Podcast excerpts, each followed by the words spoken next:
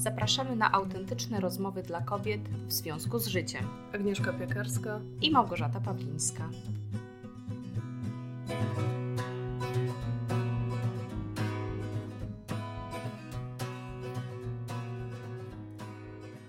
Cześć Agnieszka. Cześć Gosia. E, nasze drogie słuchaczki, e, to co skrzypi, to krzesło pode mną w pokoju hotelowym, w którym e, postanowiła zadokować się na kilka dni Agnieszka, bo znowu przyleciała do mnie do Krakowa. I, i mamy przyjemność rozmawiać razem koło siebie. Strasznie się cieszę i lubię te momenty. I tak nie możemy się nagadać, że dopiero ile doba minęła, a my dopiero teraz podłączamy yy, tak, mikrofon. mikrofon. A przegadane już mamy kilka Więc godzin ładnych możliwe, że najlepsze wątki są y, niestety poza audycją i pozostaną gdzieś w przestrzeni. Tak. E, jest jednak taki wątek, który rozniecił żar. Tak wielki żar, że tak. ja przestałam słuchać. Muszę się przyznać, że przestałam w pewnym momencie słuchać i już tylko myślałam o tym, że jednak powinniśmy włączyć mikrofon, bo szkoda. Bo szkoda. Szkoda czego? E, szkoda tego, żebyśmy zachowały dla siebie tą wiedzę. Znaczy, ty się dzielisz tą wiedzą, jakby. Ale ja dopiero teraz, może to jest prawda, że y, trzeba siedem razy usłyszeć, żeby zacząć w ogóle słuchać. Um, o czym mowa? Mowa Żeby oczywiście... tylko siedem razy. Mowa oczywiście o odporności psychicznej, o której ja mówię teraz bez przerwy, więc tak, myślę, i z której ja się tysiące. I z której ja się nabijam bez przerwy za każdym razem, jak y, się widzimy i gdzieś już widzę, jak bierzesz oddech na słowo odporność psychiczna. I już wtedy się wyłączam oczywiście. A dzisiaj właśnie zrozumiałam, że y, to jest koncepcja, niesamowita koncepcja, która, która jest mi niesamowicie potrzebna. I to, z czym ja się borykam y, teraz na przestrzeni tych miesięcy, gdzie próbuję się określić też, nazwijmy to zawodowo, ale chyba muszę określić też powiedzieć, że twórczo, twórczo. co jest dla mnie takie y, ciągle nieswoje. I mało produktywne. Mało produktywne i w ogóle bez sensu. To nagle się okazuje, że, y, że ty znasz, jakby znasz narzędzia czy odpowiedzi na, na te bolączki, które i te dziwne pytania, gremliny, to wszystko, co się pojawia po drodze w mojej głowie. Bardzo się cieszę, że do tego w końcu dojrzałaś, że to zrozumiałaś. Musiałam przylecieć, wiesz, tak. aż do Krakowa. Dzisiaj A... jest y, maksimum smogu też, Och, to może... Tak, tak. Także nie wychodzimy w ogóle na dwór, siedzimy w pokoju i gadamy. E, ale też e, skąd się to wzięło, że, że Agnieszkę olśniło?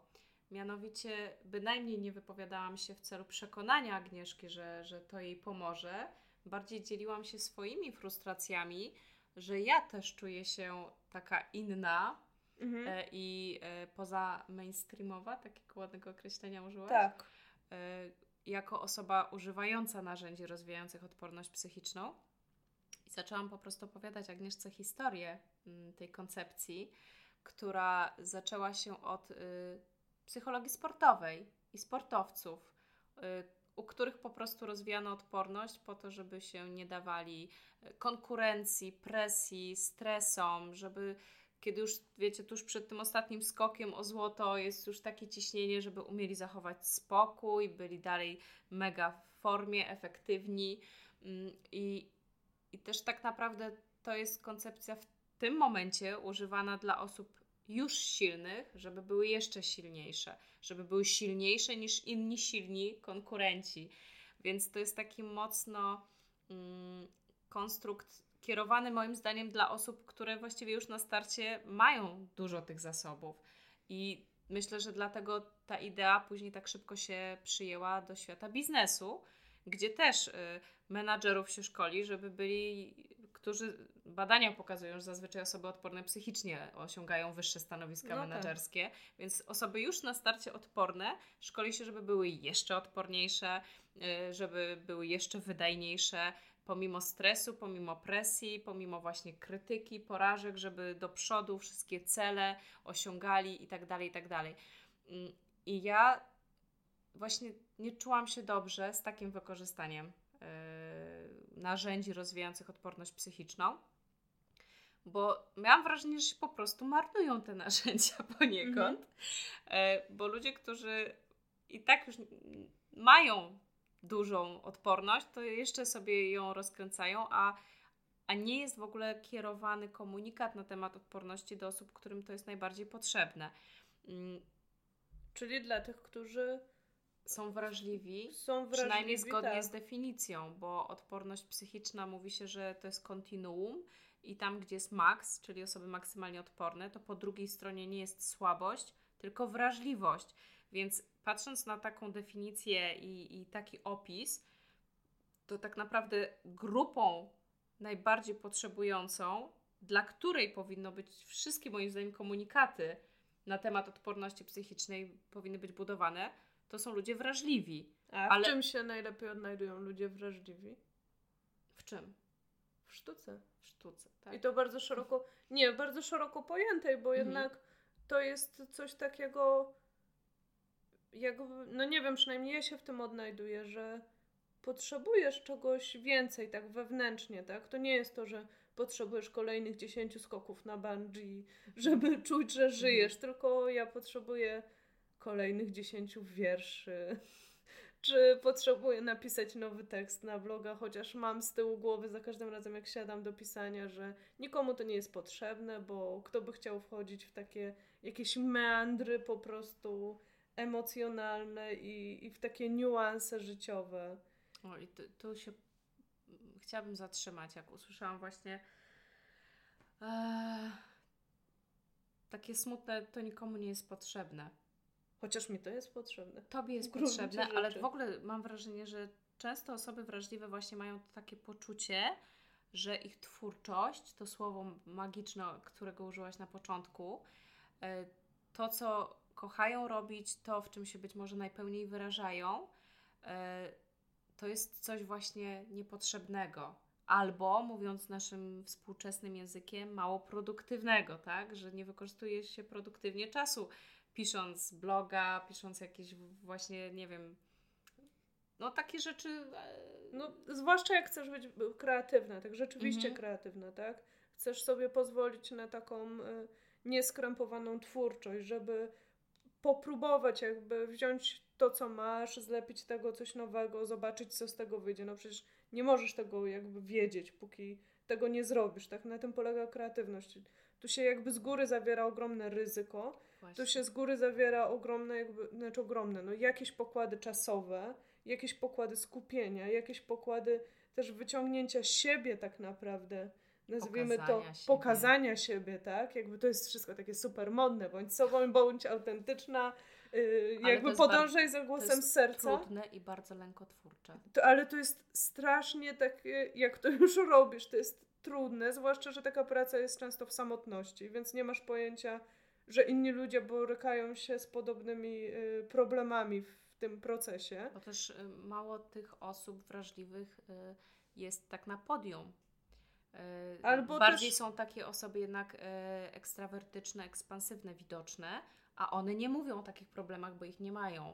Chociaż, Albo inaczej sobie z nimi radzą, bo są chociaż odporne. wiesz co, tu, jak widzisz, i tutaj na przykład y, to jest trochę taka dygresja, ale przeczytałam ostatnio niesamowitą książkę, niesamowitą.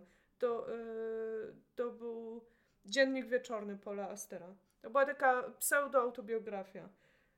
Facet niesamowicie wrażliwy. Jak ja to czytałam, jakby nie umiem tego opisać, ale to było coś takiego, tak jakby mi coś wszystko w środku podskakiwało, aż z wrażenia. No nie wiem, takie wewnętrzne podniecenie, można by nawet powiedzieć.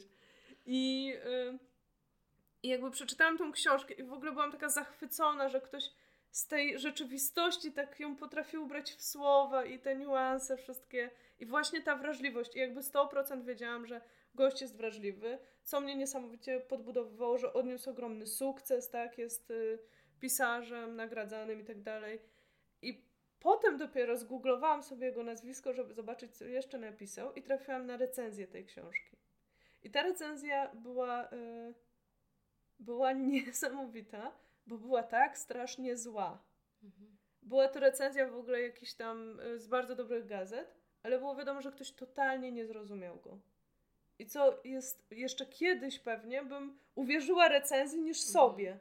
Ale teraz jakby mam poczucie, że ktoś pisze Dla ciebie. Jak, au, tak, jak autor śmiał w ogóle się tak wywyższać. A ja mam takie poczucie, jak to czytam, jaki niesamowity, odważny człowiek, że się dzieli swoimi najintymniejszymi lękami, problemami, przemyśleniami, Wiesz, takimi teraz- swoimi drobnymi rzeczami, wiesz. I tak widzę, Jezus, jak ktoś go nie zrozumiał, a z drugiej strony sobie myślę, jak dobrze, że on napisał tą książkę, bo ona jest dla mnie, ona nie jest dla tych krytyków. Właśnie miałam o tym powiedzieć, że znów mi się przypomniało to, o czym y, ostatnio mówiłyśmy, że często świat ma problem z wrażliwością ludzi wrażliwych.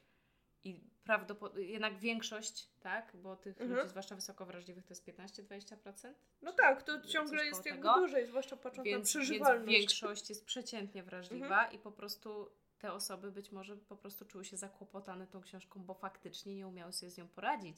Dla nich to było nie do, nie, nie, do, nie do ogarnięcia to, co on tam napisał, bo nie byli w stanie tego zrozumieć. Dla nich to było po prostu może my- zbyt... Ale dla osób Mhm. wrażliwych rzeczywiście myślę, że to mogło być niesamowitym prezentem, darem, bo one to zrozumiały i, ciesz, i dlatego warto mimo wszystko takie coś dawać, chociażby innym wrażliwym osobom. Tak, i powiem Ci, że ja opowiadałam o tym e, mojej znajomej, która pisze książkę i ona była zainteresowana, jakby kupiła sobie od razu Mhm. tą książkę i dostałam SMS-a dwa dni później.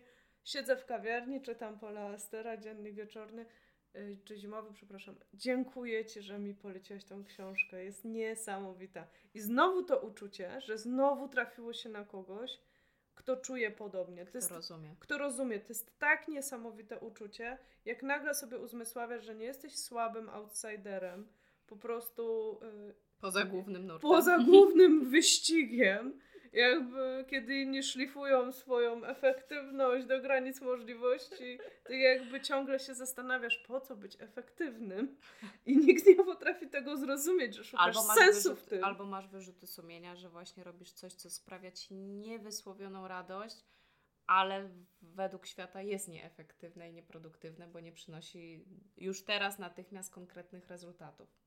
Tak, a, a tak naprawdę, jak patrzysz na ludzi, którzy osiągnęli naprawdę spektakularne Mhm. e, efekty, to zazwyczaj to są lata wielkiej pracy Mhm. i, i to są naprawdę takie koncepty mocno przemyślane, mocno kreatywne. I też trochę jak popatrzysz na takich wielkich artystów, to nie jest tak, że każda jedna, nie wiem, książka, twórczość to jest zawsze coś, co się wstrzeliło po prostu i rozbłysło, tylko są lepsze i gorsze momenty, no bo taka też jest kreatywność, nie? Mhm. I tu wracamy do tej odporności Tak, właśnie. właśnie to, to chciałam spiąć, bo też powiedziałaś wcześniej, że, y, że to są często doświadczenia, próby, trzeba brać ryzyko i faktycznie no, to, jest, to jest kwestia y, kreatywności, ale w każdej dziedzinie, że żeby wydaje mi się nawet coś innowatorskiego stworzyć, to trzeba eksperymentować, próbować, y, nie poddawać się, No. nie, nie, nie bać się krytyki, Mhm. porażki. Bo, bo stosując ciągle jedną metodę, nie wynajdziesz nic nowego, nie wynajdziesz ulepszenia i, i lepszej no metody. tak, ale I to, te, to Mhm. wszystko wymaga odporności. A jeszcze tylko tutaj Mhm. y, z tego, co właśnie y, mówisz, właśnie wyobrażam sobie, że ten akt twórczy y, właśnie też w aspekcie tego, co powiedziałyśmy o tej efektywności, on rzeczywiście często jest czymś, co nie przynosi szybkich efektów. Na te efekty trzeba czekać, czyli trzeba mieć naprawdę ogromną pewność swojej idei, takie wiem, że wiem, że to wierzę w to. Trzeba mieć ogromne zaangażowanie, duże poczucie sprawstwa, że, że, że jesteś w stanie to zrobić, że to jest w, za, w zasięgu Twoich możliwości. A to są wszystko filary odporności psychicznej, czyli to wszystko, y, cały taki proces twórczy, kreatywny, ludzie, którzy to robią, potrzebują być odporni psychicznie, żeby to zrobić. No i chyba oni przede wszystkim potrzebują być odporni krytyki, psychicznie, porażki. bo Mhm. jakby jak już Też w ogóle... presji, weź, odpuść, idź do no, normalnej pracy. A tak, ale z drugiej strony też jakby żadna twórczość nie żyje, jeśli jej nie pokażesz światu. I to A, też to- często... Czyli odwagi ogromnej. odwagi, pewności siebie, ale tak, nie takiej otupyciarstwa, tylko właśnie takiej... bo- takiej bo pewności, odporna- że mam bo- coś dobrego tak. dla jakiejś grupy ludzi, Jesteś wierzę też w to. pewna siebie Tak. jako człowieka, który zasługuje na prawo do ekspresji siebie, do pokazania tego, co myśli, co, co, jak interpretuje rzeczywistość, że to nie jest nienormalne, że jest wrażliwy i że na przykład widzi pewne rzeczy głębiej, bardziej skomplikowanie i tak dalej. Więc wydaje mi się, w ogóle pewność siebie w e, odporności psychicznej składa się z dwóch elementów. Pewności właśnie siebie, swoich umiejętności jako osoby Mhm. wartościowej, która ma pewne dary, ale drugi element to jest pewność siebie interpersonalna i tu mamy do czynienia na przykład właśnie z umiejętnością bronienia swoich idei, e, konstruktywnych rozmów, odpierania ataków, krytyki, asertywności. To jest bardzo potrzebne osobom wrażliwym, które mają naprawdę nieraz niesamowite, bardzo właśnie głębokie, wartościowe idee, ale nie mając takiej cechy, po prostu w konfrontacji z pierwszą, lepszą właśnie krytyką, kogoś, kto nie zrozumiał właściwie na przykład tylko dlatego, że jest przeciętnie wrażliwy, tak jak w No, przypadku albo tej to nie jest książki, dla niego albo to prostu, nie jest dla nie? niego, to nie mając odporności, ta osoba się wycofa i nawet nie wie, ilu osobom zabierze coś absolutnie niesamowitego, bo być może dla nich by to było, gdyby była odporna i gdyby to kontynuowała. No właśnie i też sobie zabiera, bo jednak jak ciężki taki ten proces by nie był i trudny, to on też pod nim się kryje, pod tym ciężkim się kryje też satysfakcja i jakieś takie poczucie, że Te żyje się z sensem po prostu. Tak. Te I to- buciki. Powiem Ci, zanim jeszcze przejdziemy do budów, to mnie tak zszokowała historia, której wcześniej nie znałam, Brené Brown, którą przeczytałam e, w książce Rosnąc w siłę, gdzie ona opisała historię e, pierwszej swojej książki, Mhm. e, która teraz jest chyba pod tytułem Myślałam, że to byłam tylko ja, a to nieprawda. W każdym razie... Że chodziło tylko. Tak, no coś w tym Mhm. stylu. W każdym razie ona opisuje tam, jak tą książkę chciała napisać i miała na nią koncept i miała bardzo śmieszny, zabawny y, tytuł i nikt jej nie chciał jej wydać i na koniec już trafiła, y, zainwestowała w jakieś targi i konsultacje z jakimś super agentem z wydawnictwa i on spojrzał i powiedział, wie pani, to jest nawet fajny pomysł, żeby naukowiec taką książkę wydał o wstydzie, y, ale to jest zbyt poważny temat, żeby go traktować y, z żartami, tak jak pani tu robi. I ona na długi czas w ogóle miała blokadę. Mhm. Ostatecznie sama wydała tą książkę. Próbowała, jakby sprzedawała ją w różny sposób. Ale to jest właśnie ta wiara, ta, ta pewność Tak, siebie. ale, ale słuchaj, jakby, jak to jest niesamowite w ogóle. Tam jest taki wątek, że jej znajomy chciał w ogóle, zapytał, kto ją, jej wydał tą książkę i chciał od niej kupić na, y, na swoje szkolenia, bo mu się podobała. A jak ona mu powiedziała, że ona sama to wydała, to on się obrócił, spojrzał na nią i powiedział: Wiesz co, nie mogę y, propagować na szkoleniu książki wydanej z egoistycznych pobudek.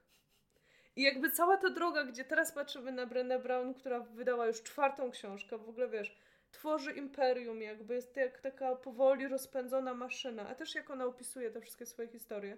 One, no przecież ona mówi o wstydzie, o, o właśnie tej takiej wstydziła. wrażliwości, ale takim życiu pełnym Mhm. sercem. I ona też jakby tam wspomina, że ona na przykład jest dość introwertyczna, yy, jakby też to wszystko ją wiele kosztuje. I Tak, myślę sobie, że ona pewnie jest bardzo odporna psychicznie. Nabyła to właśnie, ona nazywa Mhm. to innymi słowami, ale nabyła te umiejętności i jaka niesamowita to by była strata dla, dla tylu ludzi, których ona inspiruje, też Mhm. uczy i tak dalej. E, Gdyby ona po prostu się poddała wtedy albo e, uwierzyła temu e, swojemu koledze czy temu wydawcy, tak? Mhm. A teraz też sobie tak myślę, że jeszcze wracając do tego, co w sumie chciałam Ci mówić, Mhm. przekazać, jak zaczęłam mówić o, Mhm. ty, o tym, o odporności, że właśnie miałam taki opór, jak byłam na szkoleniu licencyjnym, że mówiono właśnie, że odporność jest przeciwieństwem wrażliwości. Ja czułam w sobie jakiś taki w sumie lęk zaraz, no to jak ja sobie rozwinę odporność, to, to czy ja stracę moją wrażliwość? Bo mam wrażenie, że właśnie jeszcze wracając do tego, Mhm. gdzie, gdzie ja widzę, że najchętniej ta odporność jest wykorzystywana, w jakich obszarach, to tak trochę to wygląda. Bądź odporny, żeby nie być wrażliwym.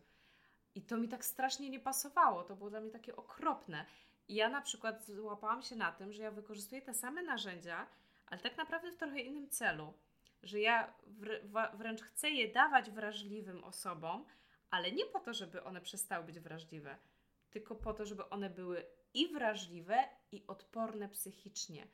Dla mnie to jest trochę tak jak z talentami Galupa, że one mogą być dojrzałe albo niedojrzałe. Mhm. Ja po prostu uważam, że dzięki zbudowaniu odporności psychicznej osoba wrażliwa staje się dojrzale wrażliwa I ona nie traci tej wrażliwości.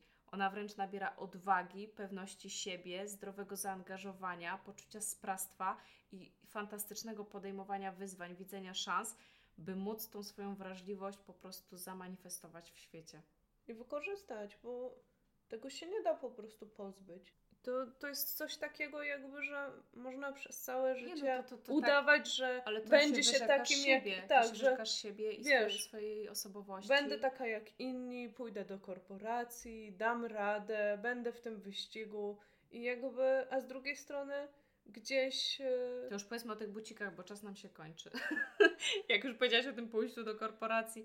e, bo- Ale też nie, nie namawiamy do jakiegoś hipisowskiego życia, żeby to było jasne. Nie, nie, my jesteśmy obie bardzo zdroworozsądkowe i propagujemy my po prostu takie podejście. Obydwie pracowałyśmy w korporacji. Dokładnie, e, że nie jesteśmy osobami, które mają ochotę rzeczywiście rzucić wszystko Bo to- i, tak. i ledwo wiązać koniec końcem, żeby tylko tworzyć. Bo też nie Szukamy zawsze o... takiego zdrowo, tak. zdroworozsądkowego połączenia. Bo nie chodzi o to, żeby z jednego y, niewygodnego y, z kraju wchodzić w jakieś y, drugie ekstremum, które y, no też nie do końca nam Nie, służy. nie. Tu tylko rzeczywiście chodzi o to, co, co właśnie na przykład w Biegnącej z Wilkami było w tej opowieści o trzewikach, że możemy sobie kupić super polakierowane buciki, ale to jest wybieranie łatwiejszej drogi i bardzo często właśnie wybór pracy, która niekoniecznie nam się podoba, ale jest super płatna, to jest takie pójście trochę na łatwiznę,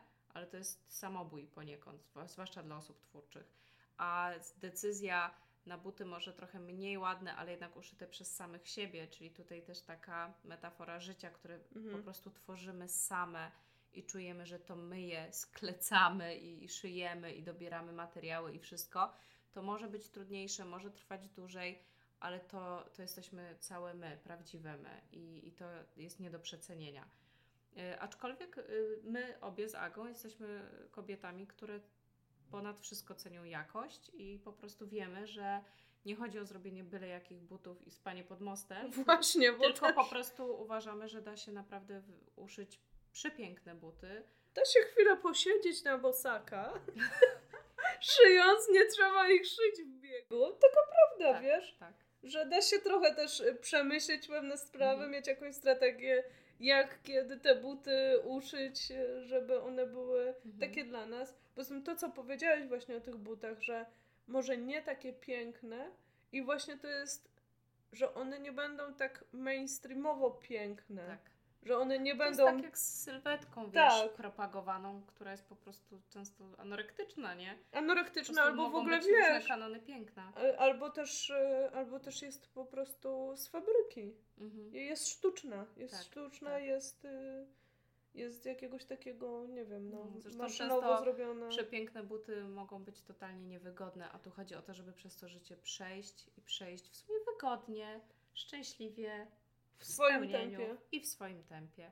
I chyba z ludźmi, y, z którymi nam jest po prostu, którzy myślą Tak. podobnie. Tak, i właśnie to, to już tak na koniec. y, Jak powiedziałaś o tym, że ta koleżanka w momencie, gdy podziękowała Ci za rekomendację, wywołała w Tobie taką radość, swój człowiek Tak. i że to jest tak niesamowite znaleźć kogoś, że czujemy, że z tą osobą jest nam po drodze, że ona nas rozumie, że nie jesteśmy właśnie dziwni poza nurtem, to słuchajcie, my po to tworzymy tą audycję. I po to się tak odsłaniamy i, i bez korekty y, mówimy po prostu to, co myślimy w danym momencie y, i, i potrafi nam się to zmieniać i też się do tego przyznajemy, mm, żebyście, jeśli nas słuchacie i czujecie się samotne, a czujecie, że myślicie podobnie, to żebyście wiedziały, że jesteśmy i jesteśmy podobne. I Że że jest jest nas nas, więcej. więcej. tak, i właśnie, i właśnie po to tworzymy tą audycję, tak jak gdzieś na stronie już jest też informacja, że audycja to jest tylko początek, bo chcemy stworzyć jakąś taką wirtualną, ale społeczność kobiet, które myślą podobnie i, i szukają właśnie wsparcia też w osobach, które czują podobnie na te takie tematy, gdzie większość świata y, sugeruje ci, że to z tobą jest coś nie tak, a ty masz po prostu pewność, że to z nimi jest coś nie tak. Tylko ich jest więcej. I nie wiesz, jak im to udowodnić, bo nie masz siły przebicia. I zapewniam was, y, nas jest też y, całkiem sporo. tylko często jesteśmy rzeczywiście osobami e, zamkniętymi w sobie, niepewnymi, introwertycznymi, więc e, mamy takie poczucie, że jesteśmy sami. I też mamy też takie poczucie, że nie z każdą pierdołą trzeba się objawiać, w związku z tym ważymy słowa i... No, ale jakość naszego życia, poczucie samorealizacji, spełnienia to nie jest pierdoła. Nie, no to jest kluczowa rzecz. Tak No naprawdę. i dlatego właśnie o tym życiu naszym gaworzymy. Ale to już na tyle. Będzie na tyle na dzisiaj. Pozdrawiamy i do usłyszenia, do napisania www w związku z życiem.pl Jesteśmy też na Facebooku i na YouTubie. i na iTunesie, no gdzie, gdzie Na wygooglacie, tam klikacie. Tak. I jeśli chcecie być z nami w stałym kontakcie, to na stronie zawsze możecie się zapisać do listy. I to jest taki, to jest ten moment, w którym gdzieś zaczynamy tworzyć tą naszą społeczność, bo, bo zaczynamy mieć naprawdę ze sobą kontakt. Trzymajcie się. Do usłyszenia. Cześć.